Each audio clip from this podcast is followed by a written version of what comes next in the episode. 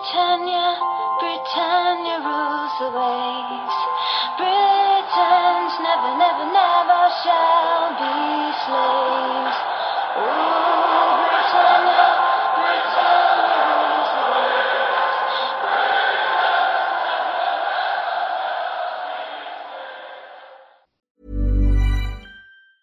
Hiring for your small business? If you're not looking for professionals on LinkedIn, you're looking in the wrong place. That's like looking for your car keys in a fish tank. LinkedIn helps you hire professionals you can't find anywhere else, even those who aren't actively searching for a new job but might be open to the perfect role. In a given month, over 70% of LinkedIn users don't even visit other leading job sites. So start looking in the right place. With LinkedIn, you can hire professionals like a professional. Post your free job on linkedin.com slash people today.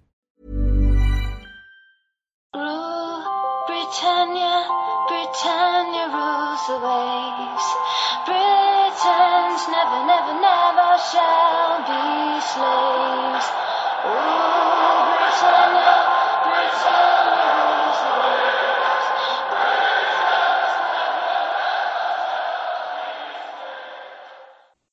Hej och välkomna till Svenska FPL-podden avsnitt 111. Vi ska prata inför Game Week 28 och Eh, den blanka Game Week 29 närmar sig med stormsteg. Agendan för dagens avsnitt är att vi ska ha en laggenomgång från Game Week 27. Vi kommer därefter ha en kort genomgång av kvarvarande Double Game Weeks och blanks, hur det ser ut som landet ligger just idag. Vi kommer uppdatera våra rekommendationer, ha en kaptensdiskussion för Game Week 28 och svara på era lyssnarfrågor. Och vi spelar in idag tisdag den 9 mars. Stort tack till Olka Sportresor, Unisportstore.se och Glenn Sportsbar. Och eh, det finns väl ingenting att vänta med så eh, Stefan, jag bollar över ordet direkt till dig så kan du få ta oss igenom West Ham Leeds, en match som West Ham vinner med 2-0. Ja, eh, absolut. Eh, och det hade ju det hade kunnat bli mer mål i den här matchen, men eh, jag tycker att West Ham visar att man är lite stabilare i laget och, och vinner därav rättvist. Om vi kollar på West Ham så man är verkligen på jakt efter den här Champions League-platsen och jag tycker det ser lovande ut. Lingard fortsätter göra succé med ett nytt mål i den här matchen.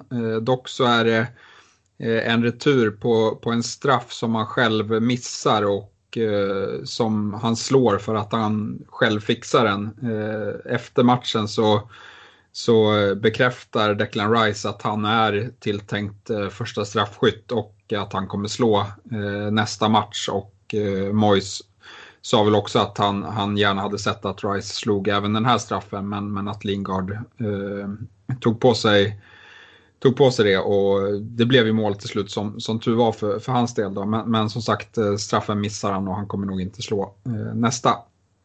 Eh, I övrigt så, så handlar mycket i den här matchen om fasta situationer för West Hams del och firma Cresswell Dawson eh, som kombinerar till, till 2-0 målet men även har bud på, på fler mål faktiskt. Eh, bland annat så har Dawson en nick i, i stolpen eh, också assisterad av just Cresswell.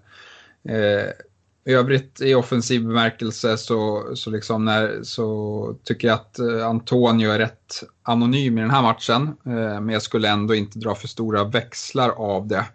Eh, dock kan man väl notera att Zuzek återigen går, ja, men går tomhänt och eh, hans leverans har, har verkligen eh, blivit mindre sen Lingard kom in i, i bilden. Eh, kollar man bakåt så, så eh, är väl nollan lite tursam. Eh, men man har en bra målvakt i Fabianski och Leeds har inte riktigt skärpan för dagen. Eh, och det tycker jag gör, eh, liksom, eh, även om vi blickar framåt, eh, så tycker jag att Cresswell ser, ser väldigt intressant ut just för hans eh, leverans på fasta situationer, möjligheter till nolla och, då också således bonuspoäng. Eh, kikar vi Leeds eh, istället så eh, väntar nu ett eh, formstarkt Chelsea nästa. Eh, men, men det som gör Leeds intressant är ju att man har en match i, i Game Week 29 eh, och eh, därav tycker jag väl att har man, har man spelare kvar härifrån nu eh, då, då får man ge dem eh, liksom förtroende över 29 också. Eh, men, men man imponerar inte jättemycket. I den här matchen så borde ju Bamford varit målskytt kan man tycka. Han bränner ett friläge och några andra halvlägen som, som eh, en, en forward i form hade satt dit. Eh, men, men, som sagt, eh, vi har inte sett någon jätteleverans från, från Bamfords sida och det är lite oroväckande. Rafinha återigen bra. Eh, jag tycker att hans eh, form är mer, eller man, man har mindre frågetecken kring hans form. Han, han skapar, eh, har, har bud på att göra mål i den här matchen men får inte riktigt till avsluten och spelar dessutom fram Bamford bland annat till, till ett fint läge. Så det är väl de två man, man, kan kika på offensivt sett. Bakåt så tycker jag väl att det blir allt tydligare att Dallas är eh, det bästa valet. Eh, återigen eh, hade han kunnat tagit sig in i offensiva poäng eh, och liksom ja, men visar att han ständigt kommer till, till sådana lägen. Eh, nollor för Leeds del skulle jag dock eh, ha svårt att, att liksom hitta på, på förhand eh, då, då det känns som att man ja, men är ganska skrala bakåt. Eh, så, så det blir väl eh, liksom rådet här att det finns ingen, ingen panik och, och kolla mot Leeds men äger man så, så är det ändå ett bra läge och behålla över 29 tycker jag precis som du är inne på så är ju West Ham ett väldigt bra lag på fasta situationer och, och, det märker man ju i den här matchen. Men Leeds är ju dessutom riktigt, riktigt svaga på att försvara fasta situationer. Vilket är intressant nu när de ska upp mot Chelsea nästa omgång. Så Fredrik, eh, du får gärna prata lite Chelsea-Everton. Chelsea vinner ju där med 2-0. Ja, men det, det, gör jag gärna. Eh, jag är liksom inte jätteförtjust i Chelsea som klubb generellt, men när det kommer till fantasy så är jag så här omåttligt, nästan pinsamt förtjust i, i Chelsea. Var det både inför säsongen så svalnade det lite där, men nu har liksom den här eh, heta romansen blossat upp igen och jag känner liksom att eh, jag vill ha mer Chelsea i mitt bygge och det kan ju bero på att det inte sitter en enda Chelsea-spelare där. Eh, vi får ju se det som, alltså vi har ju pratat om pep roulette. Det är liksom ett givet uttryck i framförallt fantasykretsar. Jag tror att vi får lansera ett nytt begrepp och det får nog vara Tuchel roulette. Eh, alltså Mason Mount, Rydiger, Silva, Kanté, Ziyech, Pulisic, Giroud. Ja, det är inte startelvan, det är bänken. Alltså, hur tar jag mig in i detta Chelsea? det är ju att navigera alltså i ett minfält Eh, och lite nästan hur man än gör tror jag att man får liksom räkna med att då och då kommer det att komma någon form av, eh, av rotation. Eh, kikar vi på de som ändå spelade då så kan vi ju se att Alonso fortsätter att vara het. Han är långt fram i banan, han tar sig in i straffområdet, han har avslut på mål. Eh, känns ju liksom glödhet så att är man lite ballsy vad det gäller eh, försvararalternativen, ja då är han ju eh, väldigt mycket där uppe och liksom ja, är aktuell för, för en plats i bygget tycker jag. Kikar vi på Chelsea som lag generellt så har de ett ganska, ganska fint schema. Det, det skiljer sig lite från många andra lag som har brytpunkten där strax efter eh, blanken i 30-31. Jag skulle säga att Chelseas schema ser ganska bra ut närmsta 6-7 omgångarna förutom blanken i 29an. Sen är det liksom framåt slutet som det ser tuffare ut på pappret, men då ska man ju komma ihåg att vi vet inte hur eh, eh, det kan ju vara så att ligan är avgjord på olika sätt, att man har för långt upp till Europaplatser eller redan har vunnit en titel. Så att det som idag ser ut som väldigt tuffa matcher kan ju vara någonting annat längre fram. Så med det i, i eh, åtanke så tycker jag Chelseas schema ser, eh, ja, men det ser riktigt intressant ut och, och som sagt det finns det finns många som har potential, potential att ta mycket poäng. Vi ser bara en sån som Mason Mount som får hoppa in och i slutet faktiskt är ganska nära att plocka offensiva eh, poäng på den korta speltiden han får. Eh, men vad har vi för vägar in i Chelsea? Alltså, jag nämnde ju Alonso som en given väg. Eh, en lite mer safe väg är väl Aspilicueta eh, som ju någonstans är liksom fundamentet och kanske den som är minst riskig på att få rotation. Eh, och som sagt, jag vill ha del av den här Chelsea-defensiven, den här muren som Torshäll har byggt nu och, och, där känns ju som sagt Aspilicueta som kanske den, den tyngsta tegelstenen eh, vad det gäller att, att ligga kvar. Men eh, väljer man att inte gå på Martinez i mål så är ju Mendy ett bra val. Eh, jag har ju pratat med Varmo Mount, eh, kan gärna fortsätta göra det trots att han inledde bänk. Eh, det finns kanske ett case också för, för en Jorginho som ju tar straffar och är väldigt, väldigt billig som kan vara en, en, eh, en bra femte mittfältare. Eh, och, och, innan vi lämnar Chelsea så måste vi då ändå nämna, det finns en spelare som jag inte har nämnt och det, det är ju den här stackars, stackars Timo Werner som fortsätter att bränna frilägen och, och öppna lägen. Jag, jag börjar tycka lite synd om, om killen. Alltså det, det känns som att det har, det har satt sig i huvudet nu. Och jag vill in i Chelsea men jag vill inte ha någonting av, av Timo Werner. Eh, kikar vi lite kort på Everton där så finns det väl inte lika mycket smaskigheter att liksom flukta efter utan vi har pratat mycket om Calvert Lewin. Jag tycker han såg ganska blek ut utan nu känns det mer som att det har viktat över till att det är Richarlison som, som är den som är hetare. Eh, var ju det åtminstone fram till den här matchen. Sen hade inte Everton så, så mycket att, att hämta i den här matchen. De gjorde en ganska blek insats men det kan ju också bero mycket på att Chelsea var bra. Eh, Lucas Digne tycker jag fortfarande är intressant och Everton har ett helt okej spelschema. Eh, så att, eh, sitter man med Digne sitter man i lugn. Med Calvert Lewin, ja det beror lite på hur övriga bygget ser ut men jag skulle nog ändå hålla mig lite lugn och ge honom the benefit of the doubt någon, någon omgång till. Sådär. Ja, eh, jag håller med dig där i Richarlison, eh, Calvert Lewin om man skulle plocka in någon nu utav de anfallarna så är det väl Richarlison. Men det är väl knappast läge att plocka in någon snarare eh, hur man gör med om man väl sitter med dem.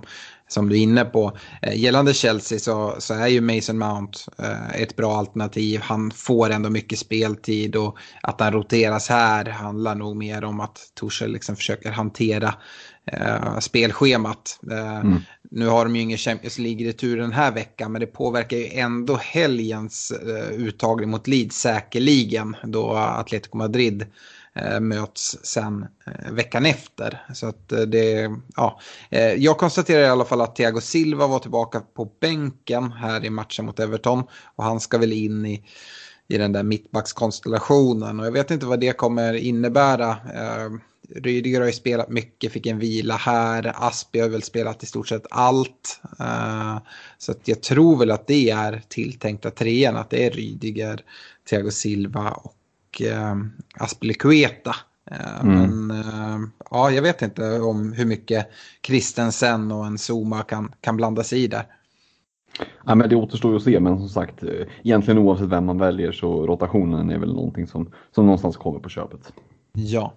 Eh, jag ska gå vidare och prata City United. Eh, och jag säger det med ett leende på läpparna då United eh, med det här 2-0 resultatet avslutas Citys vinstsvit på 21 raka vinster som är helt galet. Däremot så fortsätter Uniteds fina svit med 22 raka bortamatcher utan förlust. Men vi ska börja och fokusera på City då det är där som jag tror det största fantasyintresset ligger det är väl egentligen eh, De Bruyne Gündogan som har pratats väldigt mycket. Man har skiftat över fokus nu från, från försvaret och man tidigare har dubblat upp. Eh, jag tror for, fortsatt att det är ganska... Eh, det är inte fel att sitta dubbelt eh, i försvar i, i city. Och om man gör det skulle inte jag ha någon stress och liksom, eh, ändra om mina tillgångar. Eh, kollar man i den här matchen så är faktiskt De Bruyne och Gündogan rätt lika varandra i statistiken. Båda har fyra, fyra attempts varav två stycken är inne i boxen. Eh, en annan spelare som kanske ska nämnas som också har exakt samma statistik i den här matchen det är faktiskt Mares. Eh, och eh, det är väl en spelare jag kanske skulle vilja höja upp lite. Vi har pratat ganska lite Mares. Ehm, och det här kan låta lite märkligt, men en av anledningarna till att, till att jag gillar Mares är att jag tror inte kanske att han är eh, med i första alternativet för Pep just nu. Konstigt nog, för jag tycker att han gör det väldigt bra när han spelar. Eh, men jag tror ju att eh, trots den här torsken mot United, vilket såklart är surt i City-led, eh, så tror jag att ligan är ganska, ganska stängd och att eh, fullt fokus kommer vara i Champions League och eh, då tror jag att Mares kommer få en del speltid i ligan. Och eh, jag kan absolut se honom som ett alternativ istället för att gå på Kevin De Bruyne och i så fall spara in lite pengar.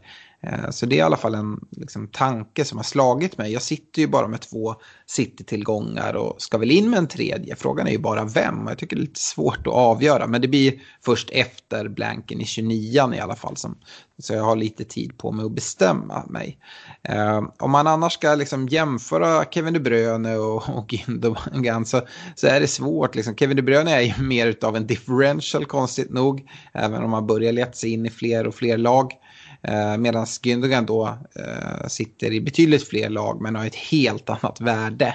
Ehm, så ehm, jag tycker att eh, Gündogan sitter man rätt fint med. Sen är frågan om man vill eh, spendera de här pengarna på att ha Kevin De Bruyne eller en Mares eventuellt. Eller om man går och dubblar upp i försvaret. Jag, jag tycker det är svårt och det är väl bara att välja en väg och så får man lite stå fast vid det tror jag. Eh, ska man säga liksom för Gündogans del så tror jag han det har diskuterats lite påverkan om eh, Kevin De Bruyne är med i bygget eller inte. Det skulle jag säga inte påverkar honom så mycket. Det som påverkar däremot är i alla fall någonting jag har lagt märke till. Det är när de spelar med en falsk nia snarare än Jesus eller Agüero. Då tycker jag att det gynnar Gündogan väldigt, väldigt mycket. Och det är kanske framförallt då han kommer in i straffområdet och fyller på så här som vi har sett så många gånger och han har, han har gjort målen. Eh, jag har ingen statistik på det, det är bara en, en känsla jag har. Um, Eh, precis som Chelsea så har City Champions League-returen då först i, i nästa vecka. Eh, och eh, det kommer ske en del rotation här till, till fullan på lördag. Eh, så får vi se vad det innebär. Det är helt omöjligt att gissa hur, hur Pep tänker. Eh, City har ju också en an, andra match här eh, imorgon onsdag mot Southampton. Så då får man också lite mer svar hur, hur det kanske kommer roteras inför helgen. Går vi över till Manchester United så var det nog ganska många som eh, kanske inför den här game weeken, jag vet att det var över 330 000 människor som hade sålt Bruno. Eh, och eh, det var även ganska många som hade Luke Shaws 14 poäng på bänken tror jag.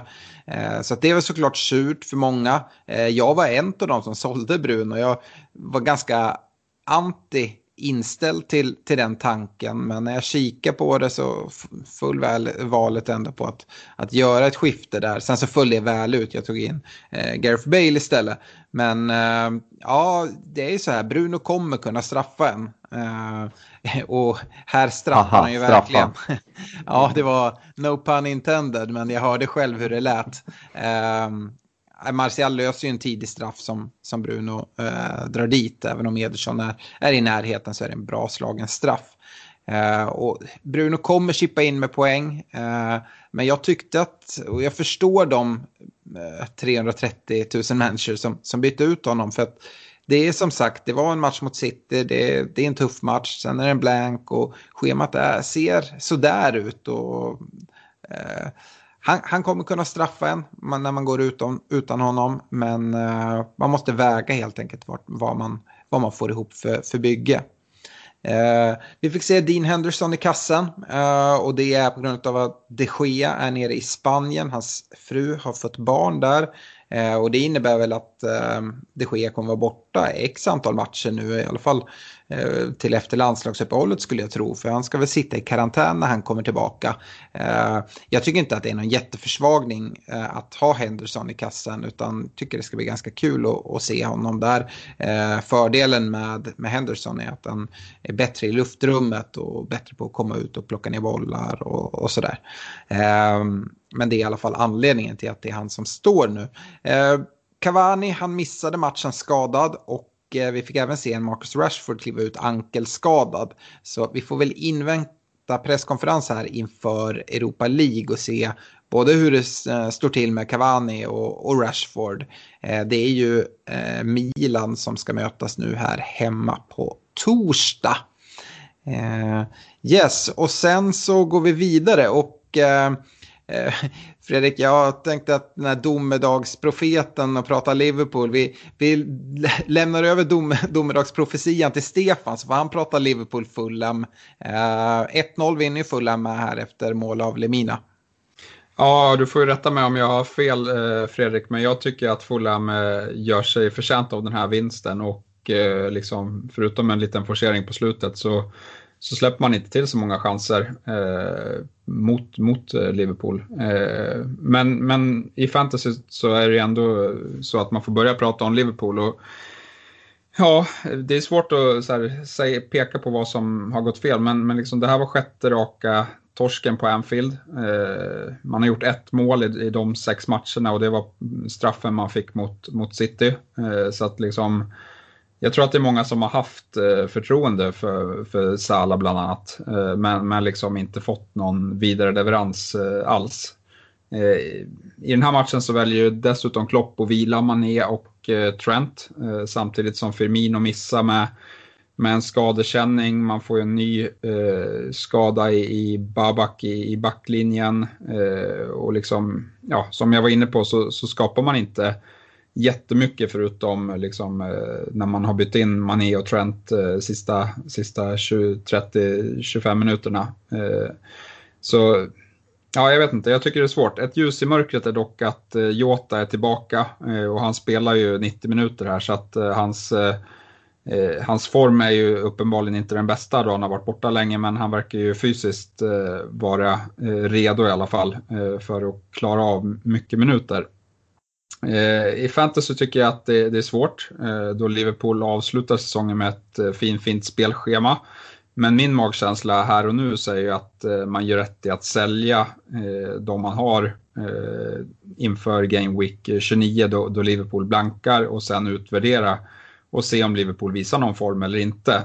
Man har ju halkat ganska många poäng efter i, i Champions League-jakten nu dessutom och, och vinner, Fulham, eller vinner West Ham sin hängmatch så, så skiljer det åtta poäng eh, upp till en Champions League-plats.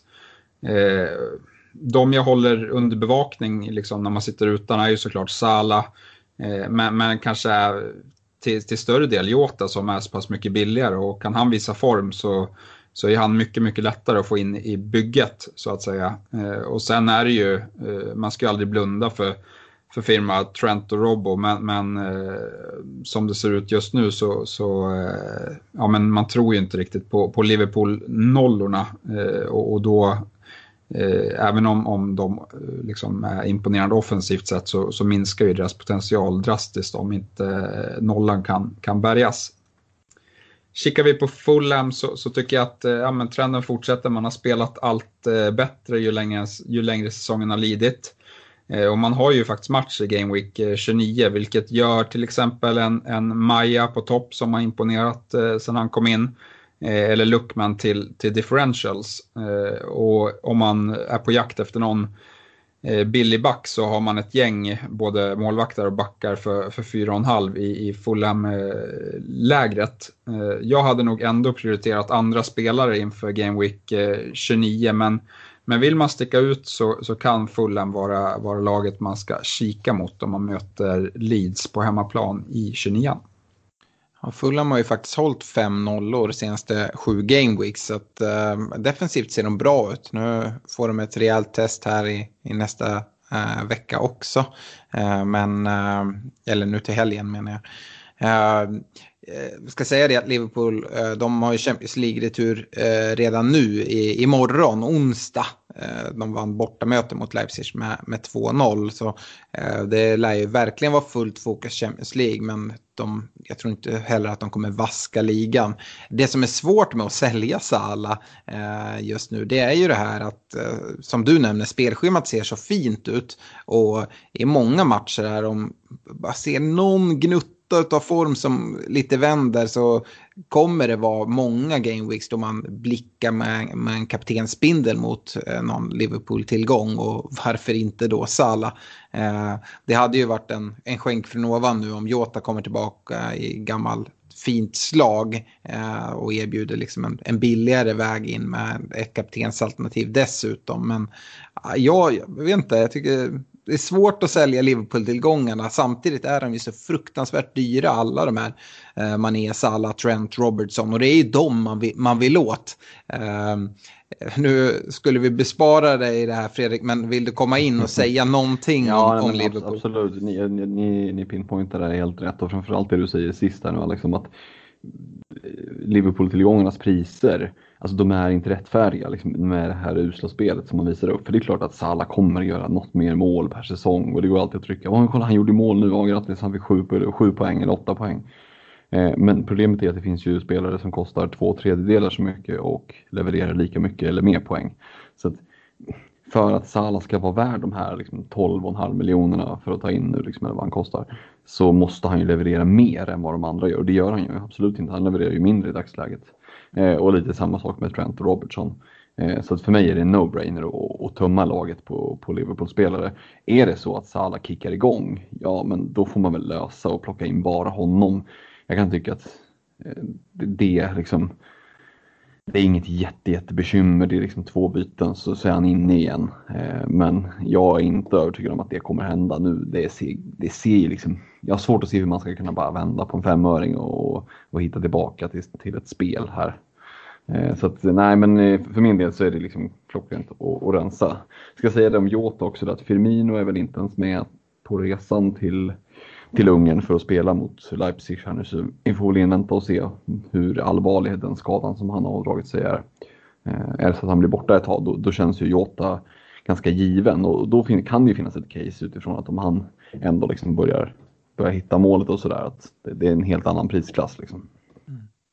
Uh, nej, och liksom ingen i, av Liverpool-spelarna har man ju så mycket uppbyggt värde i av förklarliga skäl. Det är inte supermånga som har bytt in dem. Så att även om man skulle byta ut dem nu så uh, kan man ändå sitta lugn tills man ser lite tendenser och sen bara välja att kliva på helt enkelt när, när man ser de här tendenserna då uh, eventuellt om man ehm, så det är väl det man kan väga in jämfört med en spelare som, som Bruno där man kanske har lite mer uppbyggt värde.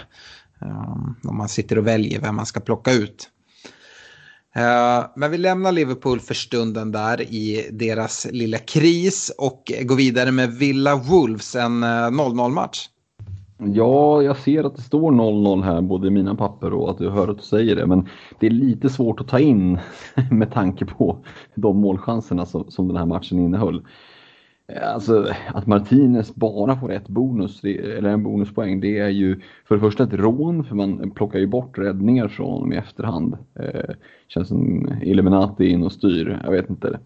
Eh, han borde ha haft fler bonuspoäng kan jag tycka, eh, eller fler poäng för räddningar om inte annat. Eh, men måste vara att han bara tar nollan och en bonus, man kanske, man kanske är bortskämd, vad vet jag.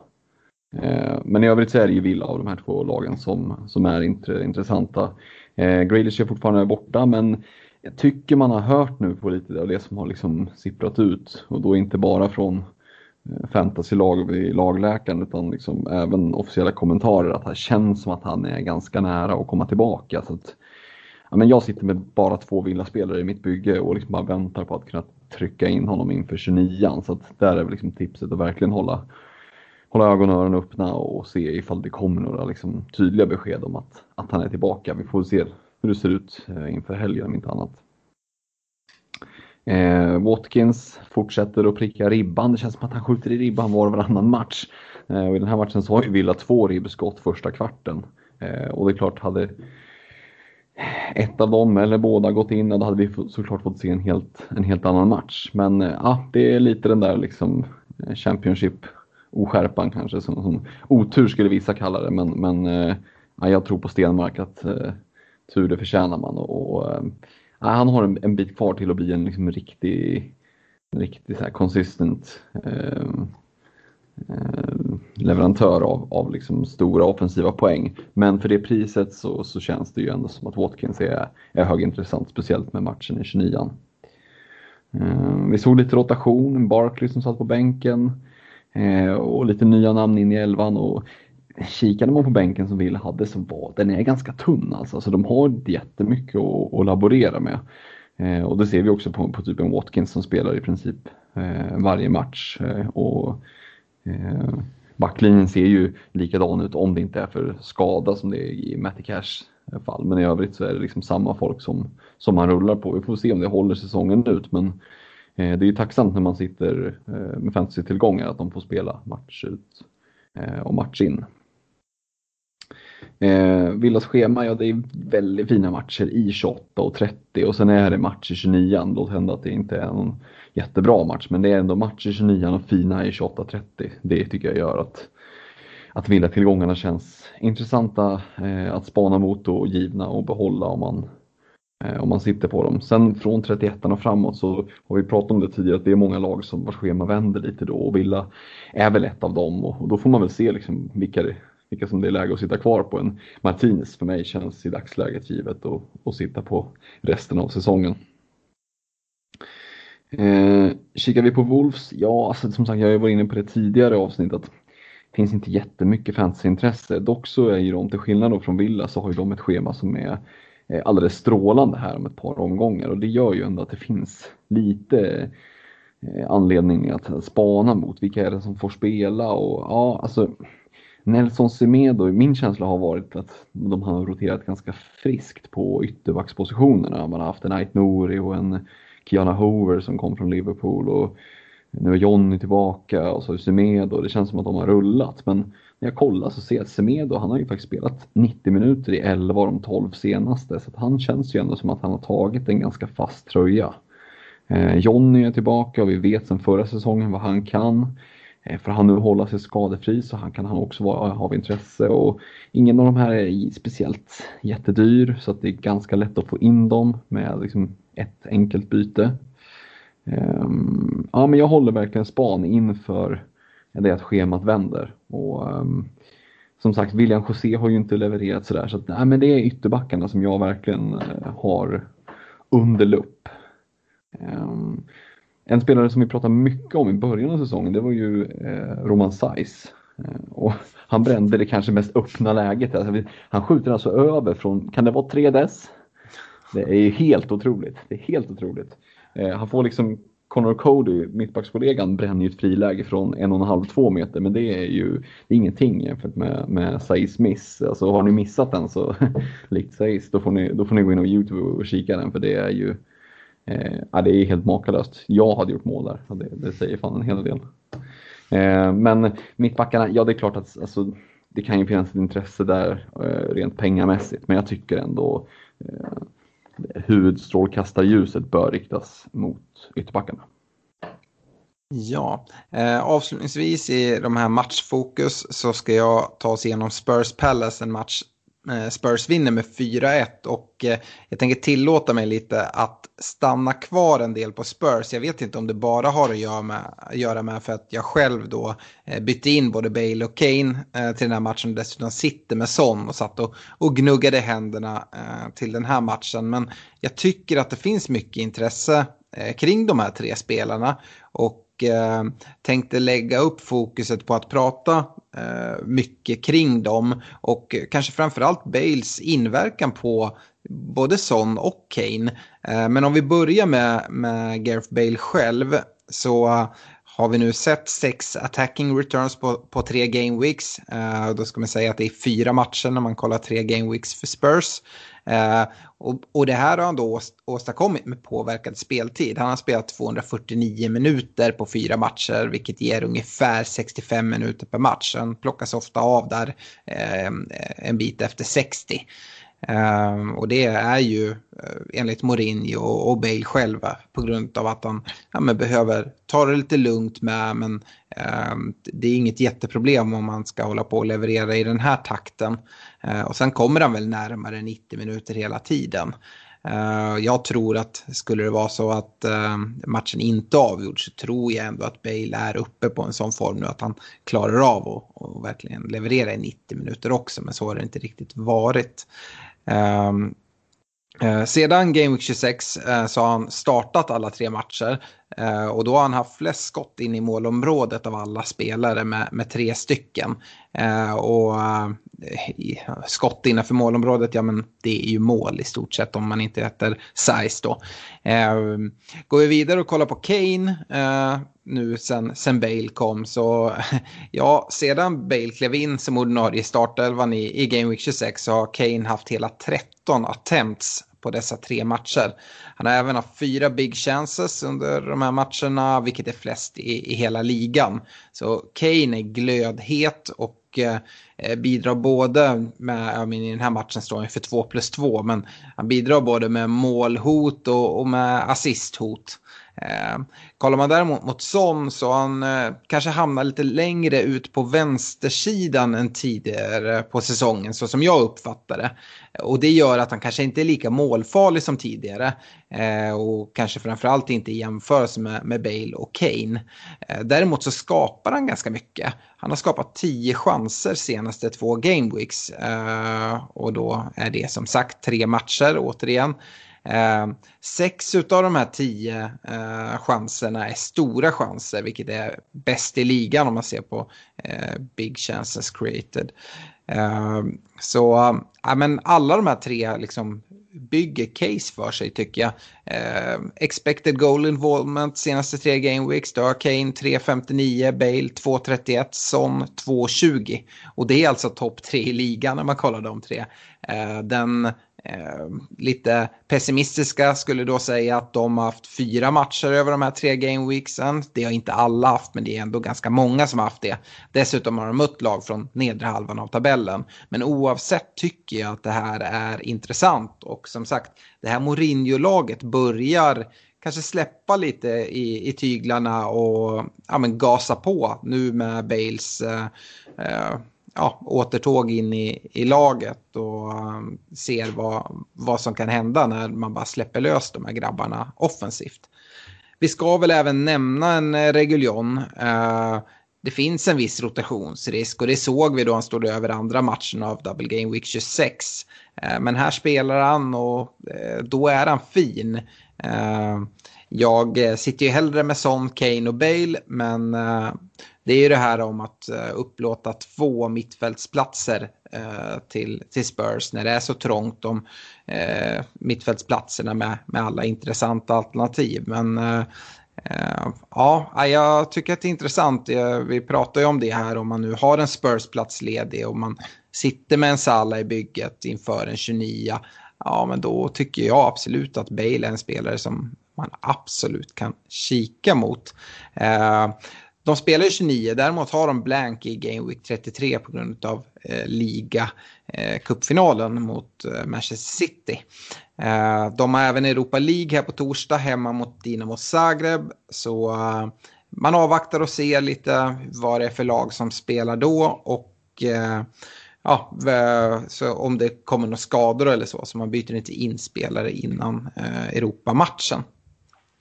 Eh, kring Pallas finns det inte lika mycket att säga, eh, men vi kan i alla fall konstatera att de nu äntligen fick tillbaka viktige Saha i laget efter tidigare skada.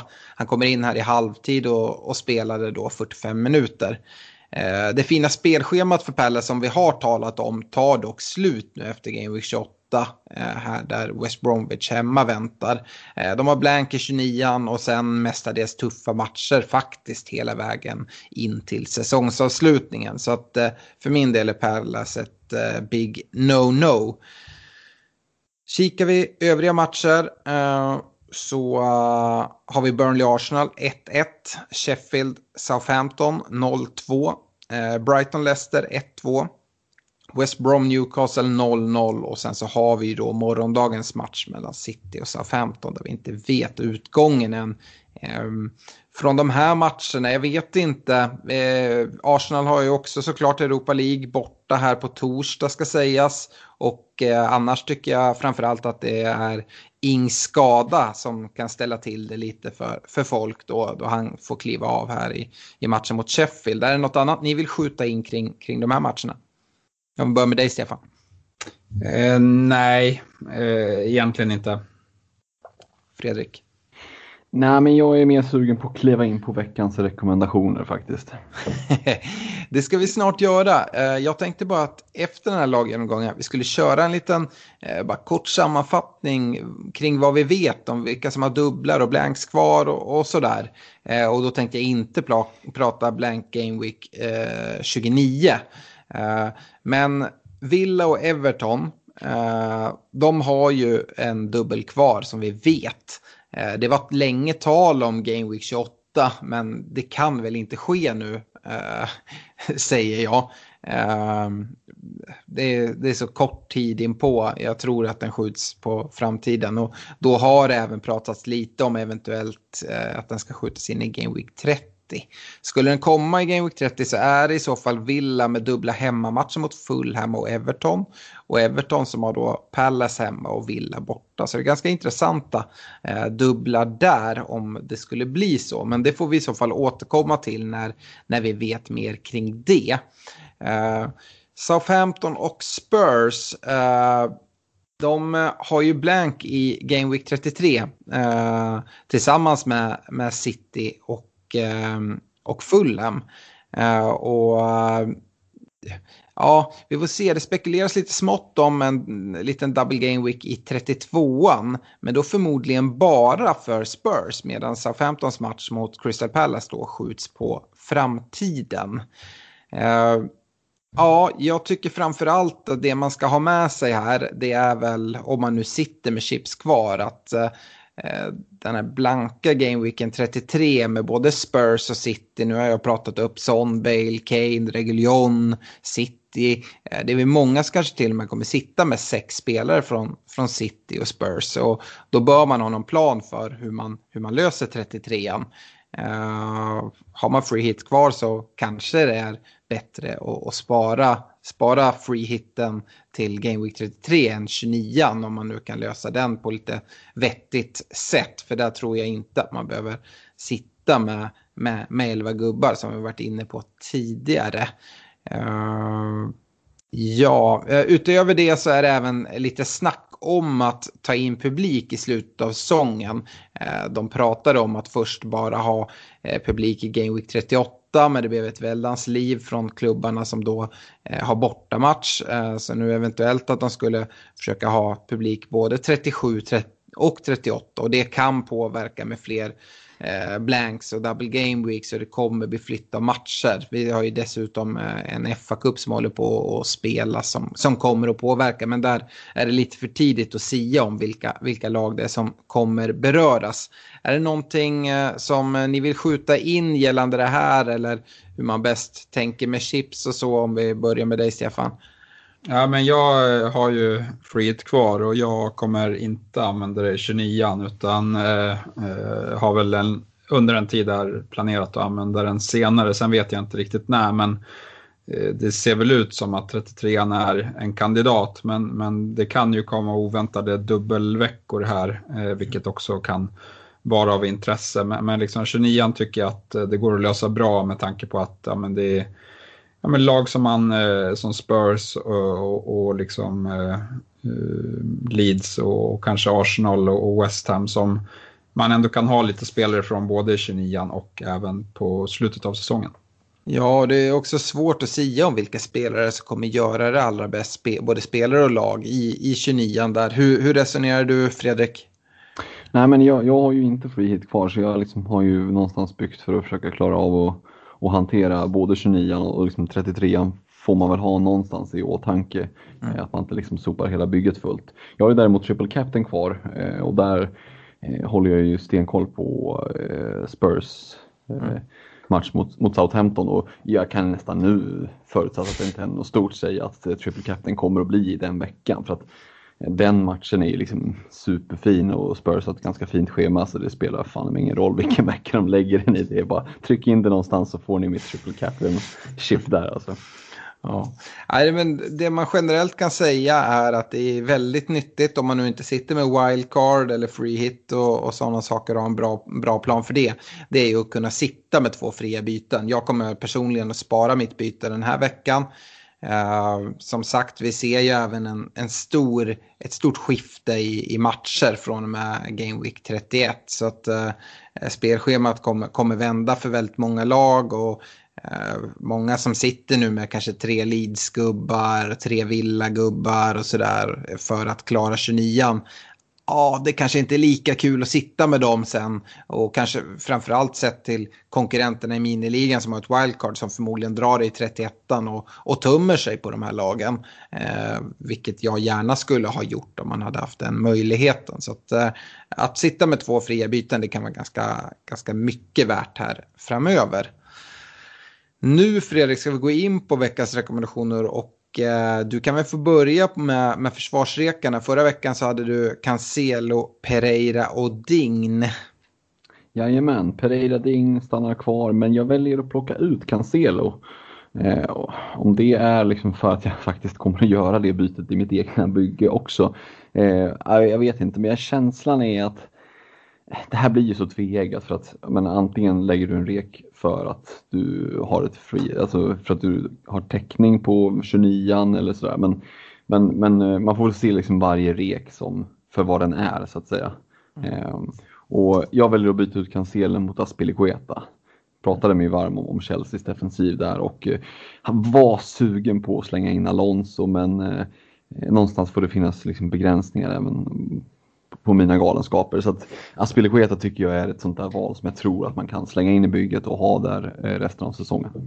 Ja, eh, alltså det man ska säga om de här rekarna är ju inte att när, när, du plockar bort Cancelo här betyder inte det att man eh, för den skull ska byta ut honom. Det, det är snarare spelare man kollar på att byta mm. in på en, på en sikt på en 4-5 game weeks framåt som man, som man gärna sitter med.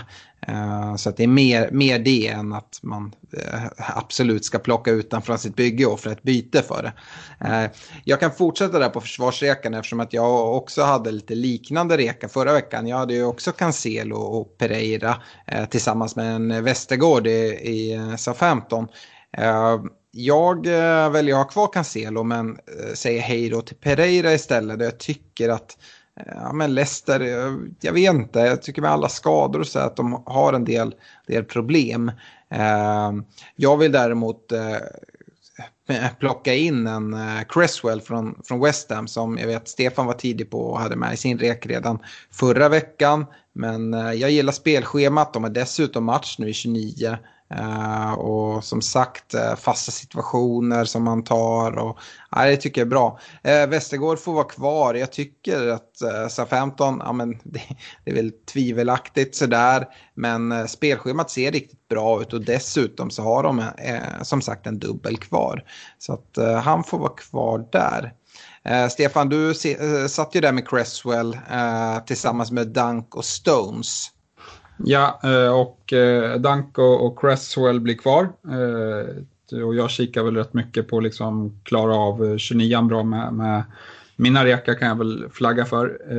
Stones ryker nu liksom tycker jag vid ett läge där City har spelat sina dubbelmatcher och kanske inte avgjort ligan då man förlorar nu mot United. Men liksom det, det, jag är inne på ditt spår att man kommer säkra den Eh, i sin sinom tid och liksom prioritera Champions League istället. Eh, och därav så, så plockar jag in Dallas eh, nu här. Eh, har väl inte superförhoppningar mot Chelsea, eh, men det är inte så att Chelsea har sprutat in mål heller. Så vi får väl se. Men sen efter det så väntar Fulham och Sheffield och jag tycker att ja, men Dallas har potential till höga poäng eh, om, om det kommer liksom en nolla för att han är hela tiden och hotar offensivt.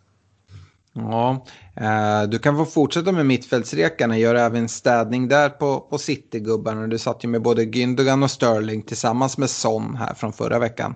Ja, men de rycker båda två.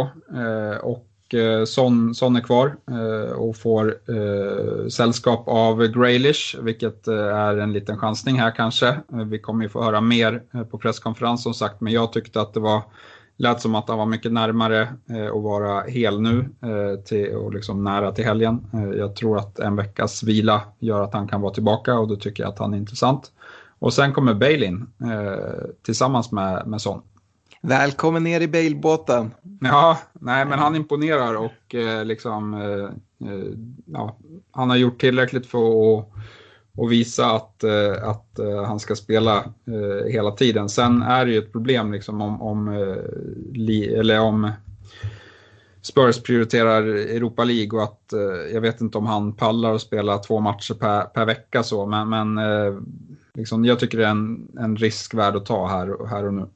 Mm. Eh, Fredrik, eh, du hade Mount, Son och Sterling förra veckan.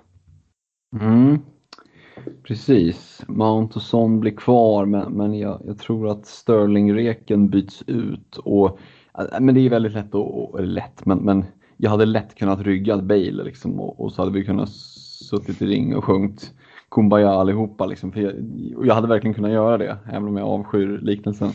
Men eh, jag tänker lite annorlunda. Jag tänker att jag vill få in en Jorginho istället för en Sterling. Så från en premium till en, en av de faktiskt billigaste mittfältarna. En av de få som ligger under 5,0. det kanske är en Bobby Reed light, men jag tycker att det är ett himla fint eh, sista alternativ. Om du vill sitta med en 50 mittfältare om du spelar med, med tre bra offensiva som ligger där strax under 5. Ja, men jag, jag, kan tycka att en, resten av säsongen där efter en 29 som, som ligger och stör så sitter man ganska fint med en Jorginho. Det kommer att roteras, du kommer att få in din första avbytare kanske lite mer. Ja, jag tar gärna in en Jorginho som slår in straffar lite då och då. Schemat som jag var inne på tidigare ser bra ut. Ja, Jorginho. Ja, jag vet inte vad jag, vad jag tycker. Jag tycker en tråkig rek där Fredrik.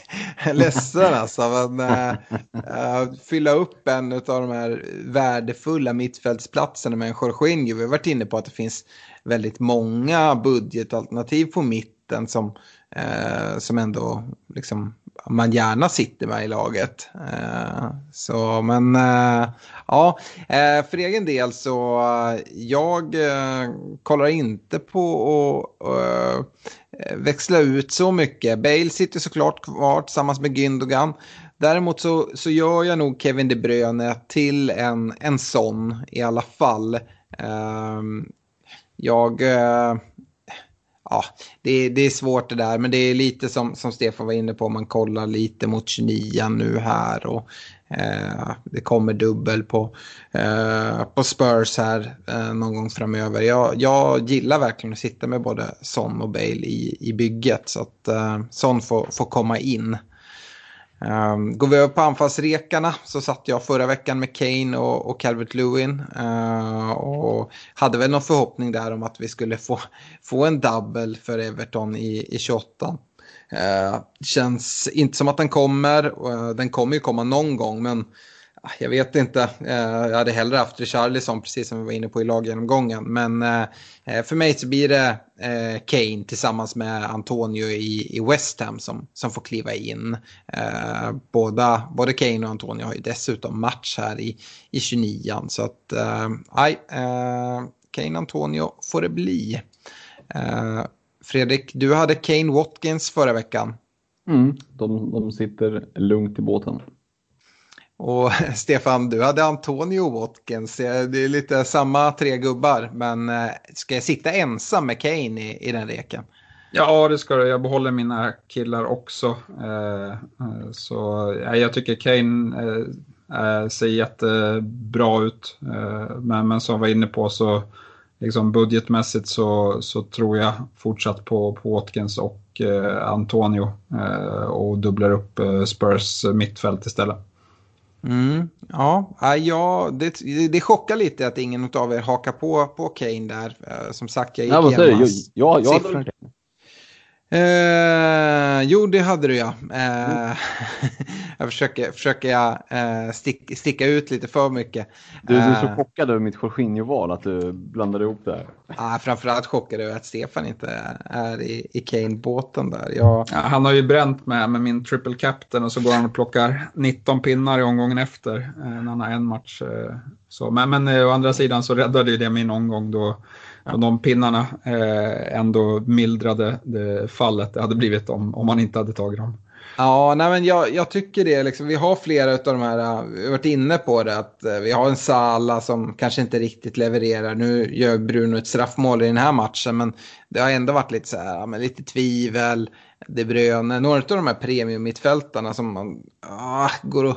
Och så finns det ändå de här eh, mittfältarna som är inte är något budgetalternativ, men liksom att gå från en Sala till en Bale, det sparar man in ganska mycket pengar på. Att då kanske växla upp till att ha en, ha en, en Kane också. Så ja, eh, det tycker jag är vägen att gå här. Men eh, eh, vi ska gå in på en kaptensdiskussion för Game Week 28. Eh, och eh, Deadline den här veckan, missa inte det, det är fredagsdeadline. Eh, 19.30, Newcastle Villa spelar. Det är ingen match som jag känner att jag Eh, kommer ställa in alla mina fredagsplaner för att se. Uh, men, och jag kikar inte speciellt mycket mot någon, någon kaptensbindel den matchen. Eh, jag tycker det är en svår omgång att hitta, hitta kaptensalternativ. För, för egen del så, så kikar jag nog mot eh, North London Derby, Arsenal Spurs. Vad, vad säger du Stefan? Kane brukar ju tycka att det är ganska kul att möta Arsenal va? Ja, du vet ju vad jag brukar säga när bra spelare ska spela mot Arsenal. Då, då finns det risk för poäng. Mm. Eh, hur man nu ser det. Nej, men eh, Kane har jättebra historik mot Arsenal och Spurs är i bra form. Eh, så jag tror det är absolut ett alternativ, eh, skulle jag säga. Eh, han och, och sen kollar jag väl även mot ja, men liksom en, en som Bruno, är alltid med i diskussionen. Visar han ju liksom, spelar ingen roll hur det ser ut, han tar sina pinnar. Mm. Och jag är jävligt besviken att jag bytte ut honom istället för att byta ut Salah. Men, men så är det. Ja. Det är lättare med facit i hand. Jag menar eh, Arsenal Spurs, eh, båda är ju kvar i Europa och fokuserar ganska mycket på Europa. Men kan vi inte tänka mig att det ska rotera speciellt mycket i ett sånt här derby va? Nej, det tror jag inte. det tror jag inte. Eh, utan det blir nog bästa möjliga, möjliga lag. Mm. Uh, Bruno nämnde det där, de möter West Ham hemma på, på Old Trafford. Jag tycker West Ham är bra och är väl ett sånt lag som skulle kunna frustrera United lite grann. Uh, fördel för United är att eh, uh, stekhete Lingard inte, inte kommer till spel då, då han är utlånad. Ehm, men Bruno är också ett vettigt alternativ. Det man kanske på förhand hade kikat en hel del mot eller inför säsongen om man hade sett att City ska möta Fulham bort borta, Liverpool ska möta Wolves borta, man liksom, det börjar vattnas i munnen. Men äh, det vattnas inte supermycket just nu, eller vad, vad säger du Fredrik? Nej men alltså City-spelarna är helt omöjligt att veta vem som kommer att spela, så där vågar man inte bränna en bindel, eh, i alla fall inte jag. Nej, det är eh, Champions League hemma på tisdagen där. De, de ja, vann ju för sig borta möte med 2-0 men det, det tror jag inte de kommer lämna någon slump över till. Nej, verkligen inte utan kommer gå full all in för, för, för Champions League och det, jag tror vi kan få se eh, en, en rejäl rotation här. Eh, så ja. jag håller mig helt borta både från bindlar och vice bindlar på, trots att det ser fint ut när man går in på, på pick team. Men, nej, men jag, jag delar Kane-binden. Jag, jag tror att jag tänker i alla fall inte överkomplicera det här valet. Eh, utan Kane är het, binden ska dit, en vicebinder på Bruno. Ja, jag känner mig trygg. Ja, Nej, sen så liksom, det ska nämnas där i City också, även om de eh, roter, roterar, det tror jag de kommer göra, men det kommer ändå, det, vi vet när City roterar, det är ganska bra lag som kommer till spel. Men Fulham som sagt, de har hållit 5-0 de senaste sju gameweeksen. De är riktigt tajta bakåt och Scott Parker har verkligen fått till det där. Eh, så det är ingen enkel match på något sätt. Eh, eh, Liverpool pratar vi ingenting om. Jag, det är, här är ju liksom den här fingertoppskänslan. Jag skulle ju inte på något sätt bli förvånad om, om Salah gör två i en sån här match. precis som att det var många som bytte ut Bruno den här gameweeken och sen gör han mål direkt. Jag kan absolut se något liknande här att folk börjar fingra redan den här veckan på, på att plocka en Salah. Eh, och eh, alltså, har man feeling och sätter binden på Salah, jag, jag tycker inte det är fel. Eh, är, jag, är jag lite koko här eller Stefan? Nej, jag hade inte gjort det. Eh, jag tycker inte det finns några tendenser så. Och jag vet inte vad man får för bollar heller eh, nu med det mittfältet som, som Liverpool kan ställa på banan. Eh, det är väl Henderson som som eh, har varit väldigt viktig för dem. Eh, liksom, och, och, det har varit flera gånger när Henderson har varit borta som, som man har blivit besviken på Salah framförallt. Eh, så att, eh, ja, jag får se. Eh, jag kommer inte binda honom, men jag kommer ha honom i, i bygget. Mm. Uh, sen är det Leicester-Sheffield, uh, eh, men skadorna i Leicester gör att jag inte kommer sätta någon bindel där. Uh, och sen kanske då, Fredrik, du som hade mycket kärlek till Chelsea, de ska möta Leeds som kan, eh, kan släppa in en del mål och framförallt är lite eh, risiga på fasta, vilket kanske talar för en Mason Mount, eller?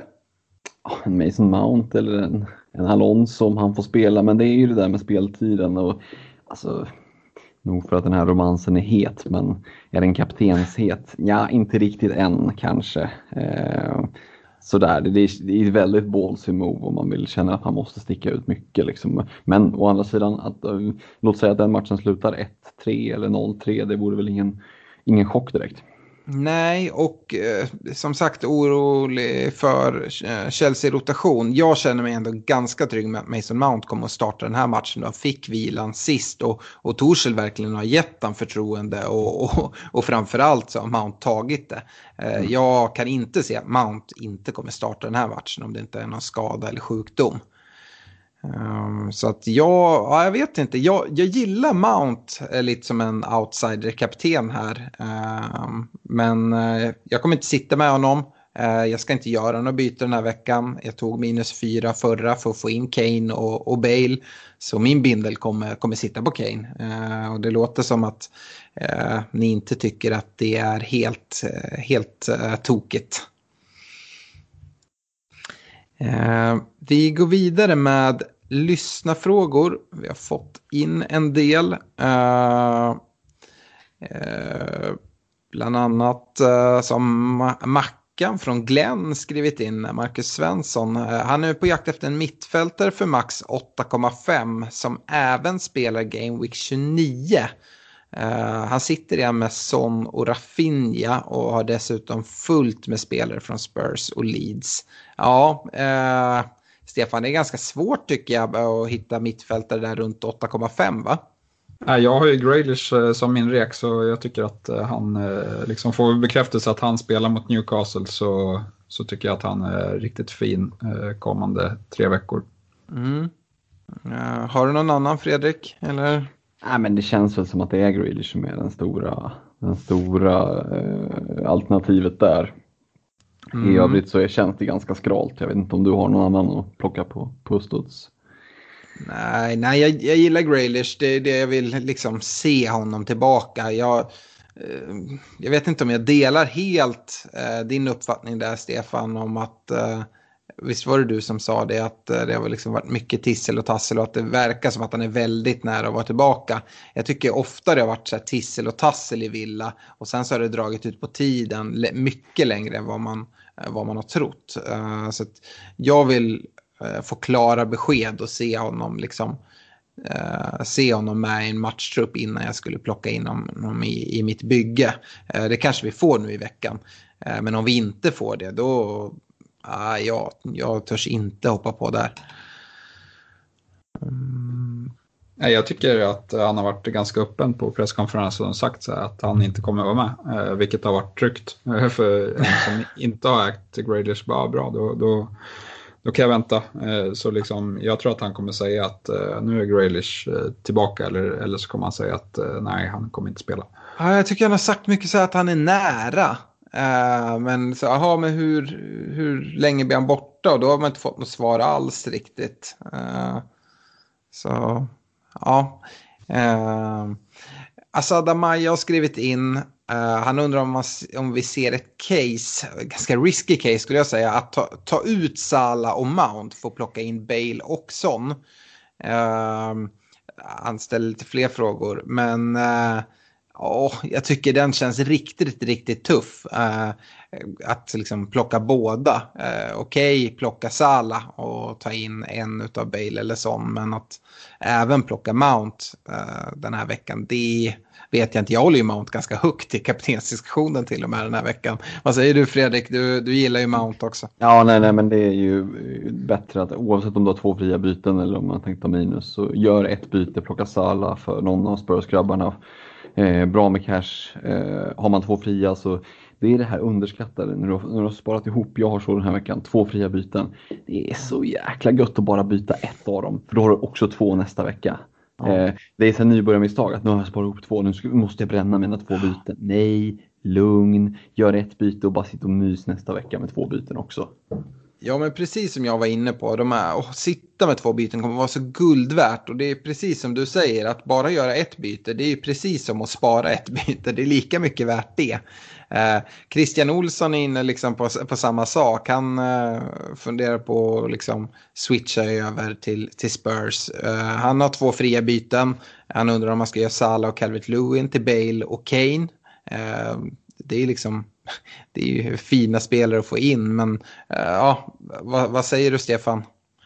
Nej, alltså jag tycker då, eftersom byta ut så pass bra spelare och matcher mot uh, spelare i ett derby, då, då hade jag hellre gjort det i, liksom i 29 när, ja, men när Everton och, och Liverpool blankar. Uh, då är det mycket lättare att, att räkna hem det, så att säga. Mm. Verkligen. Eh, Fredrik, här är en fråga som kanske inte är super FPL-ställd, men jag tycker den passar ganska bra eh, att ställa till dig eftersom att Eh, du var inne lite på det här tidigare idag i vår, vår eh, gruppchatt. Eh, Carl Kviding, han undrar hur vi ser på om Liverpool kommer att byta tränare här innan säsongen är slut. Eller kommer Klopp få Liverpool på rätt spår igen? Jag tänkte lite sett till att eh, Jogge Löw här eh, lämnar landslagsposten i, i sommar. Ja, jag såg faktiskt att det redan hade varit en presskonferens med Klopp. Eh, och han får någon fråga som är liksom lite halvt om halvt besläktad med det. Men han, han tar ju liksom över initiativet och säger men ställ frågan som du egentligen vill ställa. Kommer jag att träna Tyskland efter sommaren? Nej, det kommer jag inte att göra. Å andra sidan, för den Vad som ska är polit- säga? Ja, precis. Och för den som är politiskt intresserad så finns det ju en gammal klassisk filmsnutt när Göran Persson får frågan om han ska bli statsminister. Och nej, nej, det är klart att han inte ska bli det. Eh, och vi vet alla hur det gick sen. Så att jag eh, är ganska säker på att det tyska förbundet inte tar no for an answer. Eller... Ja, frågan kommer att ställas. Ja, så är det, så är det ju. Eh, sen kan det ju vara så att de plockar en Nagelsman eller någon sådär istället. Liksom att de känner sig nöjda med det. Men eh, jag känner mig ju jag känner mig fortfarande väldigt sådär liksom, orolig i magen över att, eh, att Löv liksom, prickar in sin avgång precis just nu när vi är som allra skörast. Det känns oroväckande för, för Liverpools del. Mm. Jag kikar igenom frågorna här. Det är liksom sa, sälja Sala, plocka in Kane, de, de flesta. Uh, ja, det blir ju två byten då såklart eftersom de spelar på olika positioner. Uh, Eh, Johan Nilsson undrar hur man gör med Liverpool och Salah. Han sitter med Son och tänker att han ska få in Kane till, till Game Week 29. Är det värt att sälja Salah redan nu för att få in han? Eh, säg att göra Brewster till Kane, Salah till en Saka eller El Ghazi. Eh, ja, Stefan. Nej, alltså jag tycker inte att eh, det kanske är det eh, ändå. Jag hade nog väntat till 29 eh, jag, liksom, jag tycker man kan kappa Son lika gärna som att man kappar Kane eh, om man inte har, eller om man gillar den matchen och, och eh, så. Mm. Och, och, tycker att man inte vill ha liksom förtroende för Bruno eller, eller Salah eh, eller, eller någon annan. så, så tycker jag att man kan kappa Son också. Fortsätter vi på, på samma tema, eh, så Niklas Sjöström, han, eh, han är ganska säker på att Salah kommer att ryka, men han sitter redan med Kane. Eh, han är riktigt lockad för en Bale, men han har inte Son heller. Jag vet att båda ni två var inne på att man går på Son före Bale. De kostar ungefär lika mycket. Jag är nog också inne lite på att men, sån speltid är mer trygg än vad Bale är i det här tajta spelschemat. Även om Bale kanske känns eh, snäppet hetare så är ju inte sån svag på något sätt. Hur, hur resonerar du där Fredrik? Ja, men jag eh, hade helt, nu sitter jag med Son i bygget, men hade jag suttit utan Son och Bale och skulle ta in en av dem så hade mitt val till 95 procent baserats på eh, Eh, vad mina kombatanter i de miniligor som jag bryr mig allra mest monetärt om, eh, hur, hur, deras lag såg ut. Eh, för nu börjar vi komma in i ett skede där liksom, det blir lite mer man-man-spel. Eh, blickar man på de som ligger antingen i värsta fall långt före men, eller långt efter, det blir liksom lite mer irrelevant vad de har. Men så har du några som ligger inom liksom 20 poäng plus minus. Ja, men där blir det Eh, superintressant att se hur kan jag liksom sticka ut gentemot de här hur har de spelat tidigare. Eh, och då går det att liksom kapa ner det till ganska få spelare. Så att jag tror att det är coin flip på, alltså så bra som Bale har sett ut nu så känns det som att Bale eller Son, ja alltså det kan bli vem som helst som tar flest poäng. Och då skulle jag utgå från mer, vem vill jag sticka ut gentemot, inte mot overall rank för det är ju vad det är. Men miniligorna, håll koll på dem. Mm. Eh, ska vi avsluta med en lyssnarfråga här från Jakob Zetterström som ni båda kan få svara på ganska kort. Eh, om vi börjar med dig Stefan. Martinez eller Mendy i kassen? Ja, Martinez. Och Fredrik, dig vet jag inte som det är värt att, att ställa frågan till. det är den ständiga reken men jag tycker att är det någon som ens utmanar där eh, så är det Mendy, helt klart. Mm. Eh, med det så tycker jag att vi avslutar för idag och eh, stort tack för att ni har lyssnat. Vi är tillbaka igen nästa vecka. Stort lycka till inför Game Week 28 och glöm inte att det är fredags deadline den här veckan. Ha det bra allihopa! Ha det bra! Ha det gott, ciao!